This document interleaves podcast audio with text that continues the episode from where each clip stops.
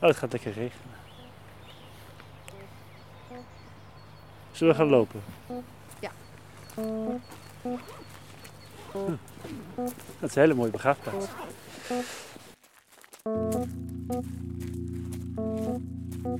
Daan Bos is theatermaker bij de Theaterstraat. Ik loop met hem over de Nieuwe Noorder, een prachtige begraafplaats aan het randje van Amsterdam-Noord. Daan vertelt over zijn project Laat me niet alleen.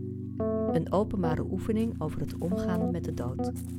In 2018 had Daan al een proeven gemaakt, een voortraject. En nu, ik spreek hem in het voorjaar van 2021, zit hij midden in de voorbereidingen van het maken van de voorstelling.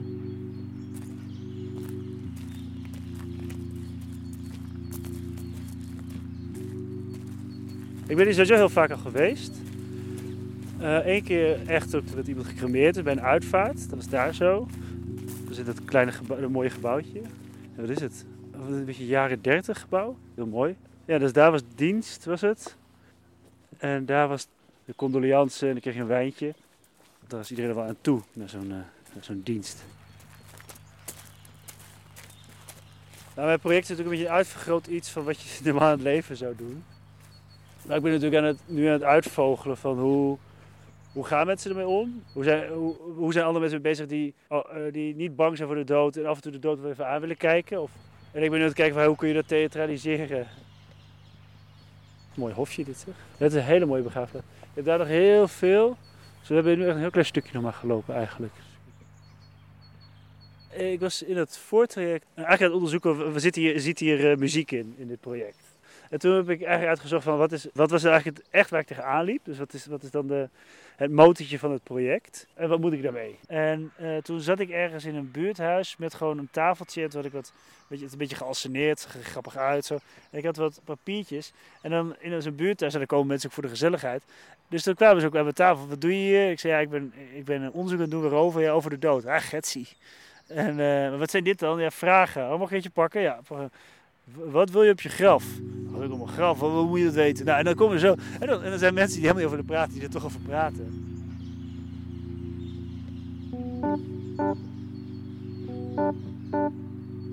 De aanzet was eigenlijk heel praktisch. Want het, de aanzet ging over dat ik erachter kwam dat de begrafenis van mijn vader uh, was net zo duur als de bruiloft van mijn broer. Mijn broer die trouwde twee dagen nadat mijn vader begraven is. Dat wou hij graag. En dat is natuurlijk een bizar, maar ook heel mooi tafereel, dat leven en dood heel dicht bij elkaar komen. En dat vond ik heel bizar. Hoe kan het nou dat een, vrij sobere begrafenis net zo duur is als een topfeest of een bruiloft? Oh, mooi. Kijk, hier is een graf. Dit is dus een graf dat is uh, of opgelicht, of misschien wordt iemand bijgelegd. Dat laatste denk ik. Ja, er ligt dus een, een soort van graf. En het is heel mooi. Hier opgetild. En het is een soort van met stenen belegd. Heel absurd.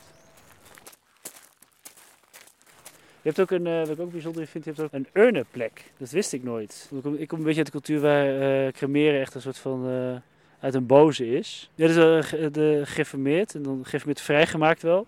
En die geloven dan dat als Jezus terugkomt, dat je uit je graf komt, herrezen. Staat, dat staat in de Bijbel. En dat kan natuurlijk niet als je verbrand bent.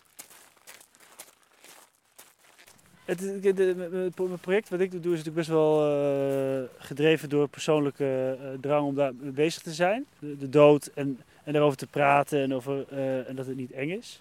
Kan ik niet voor mezelf dingen oplossen? Dus bijvoorbeeld de angst om een dood lichaam aan te raken. Terwijl in sommige culturen is dat, is heel, normaal. Voor sommige mensen is het heel normaal. Of is het juist iets heel moois of troostends geweest. En ik dacht, als ik nou een paar van dit soort grote thema's uit mijn eigen verhaal pak en, en dan kijken hoe andere mensen dat doen. Uh, dat is nu een beetje de, de, motor geworden. Dus hoe gaan anderen om met het, met het probleem waar ik mee zit? We zijn weer teruggelopen, dus we moeten weer even dieper het bos in.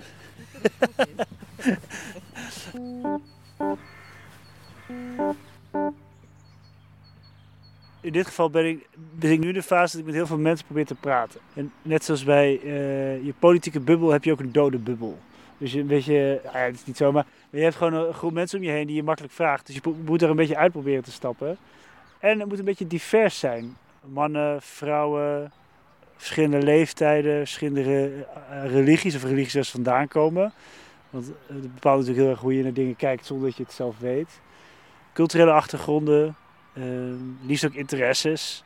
Ja, nu zit ik een beetje in het stadium dat ik denk, ah, nu moet ik eigenlijk nog even een stapje verder gaan. Uh, bijvoorbeeld, ik heb net een, een uh, moskee aangeschreven. Nou, dus bij ieder gesprek is dat steeds weer opnieuw eigenlijk, wat erbij blijft. Is dat je, je hebt natuurlijk over het algemeen, over de dood. En, de laatste keer dat iemand gestorven is of dat iemand het impact heeft gemaakt. Dat je dan die stap maakt, hoe is dat nu in het dagelijks leven? Dus hoe ga je er nu in het dagelijks leven mee om? En dat is ook een vraag waar mensen zelf over moeten nadenken. Daar hebben ze niet altijd een panklaar antwoord op. En, en, en, en die zoektocht, uh, dat ze bedenken, hé, hey, maar dat doe ik dus zo. Uh, die is best wel, dat vind ik altijd uh, heel bijzonder. Dat soms is het in twee minuten. En soms is dat een heel, ben je daar een uur mee bezig. soms komt er achteraf nog een mailtje. soms komt er ook geen antwoord op. Maar is het gewoon, is het een vraag ook? Blijft, blijft het een vraag? Hey, dit zijn graftombes. Dit zijn tombes, echt. En met een had ik gesproken en die, die heeft een heel verhaal verteld eh, over, over, over zijn moeder en, over hoe dat is gegaan en dat het niet makkelijk was. Dus ik, hoe doe je dat nu? Ben je nu dan nog in gesprek met je moeder die overleden is? Of hoe, hoe, hoe hou je het contact? Want daar ging het dan over. En dat is weer ik nodig, ook nodig uit bij het sporten. En dat vond ik heel, heel vet. En toen dacht ik, en ik zei, hoe zou je het bij mij dan doen? Dus, nou, waar hield je vader van? Ik zei, klussen. Oké, dan, dan nodig je me uit bij het klussen. En toen dacht ik, dat is ook nog een verdomd goed idee, want mijn vader kon ook goed klussen. Hoe zou mijn vader dat dan doen? Maar ook om in contact te blijven daarmee, daar gaat het natuurlijk over. Dus dat je in contact blijft met iemand die er niet meer is. Uh, dat is enerzijds, maar dan heb je het dus ook over ja, het omgaan met de dood. Oh, daar zijn de urnen, kijk. Ja. Vinden we het toch gevonden.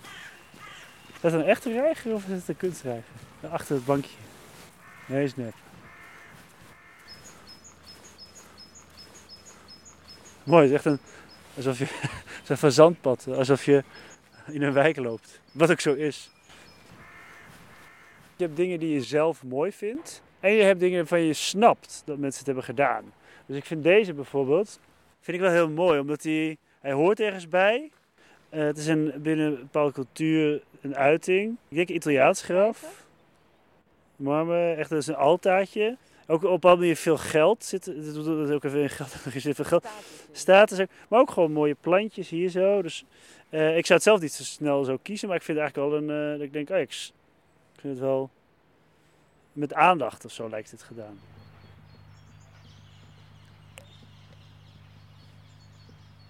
Praktisch de voorstelling bestaat uit drie delen.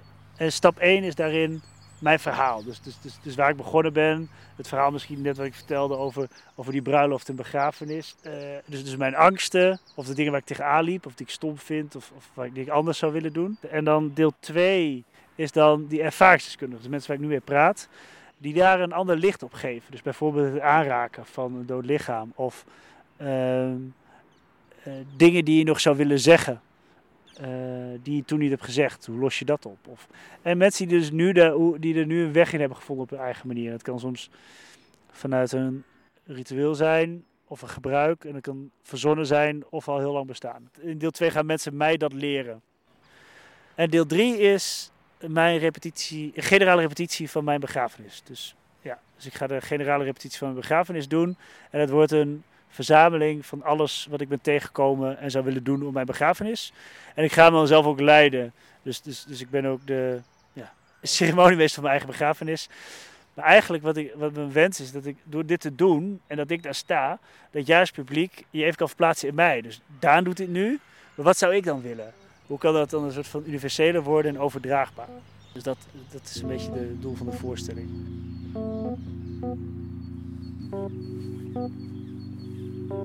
Dus je vraag was, mee bezig, hoe is het om bezig te zijn? Ja, daardoor wel heel waardevol. Dat je zo echt even mag oefenen. Op school, dat je iedere dag leert, iedere dag gaat rekenen. Rekenen, rekenen, acht jaar lang. En dan kun je op een gegeven moment best wel goed rekenen uit je hoofd en dat soort dingen. En nu reken ik, ben ik nooit meer bezig met rekenopdrachtjes.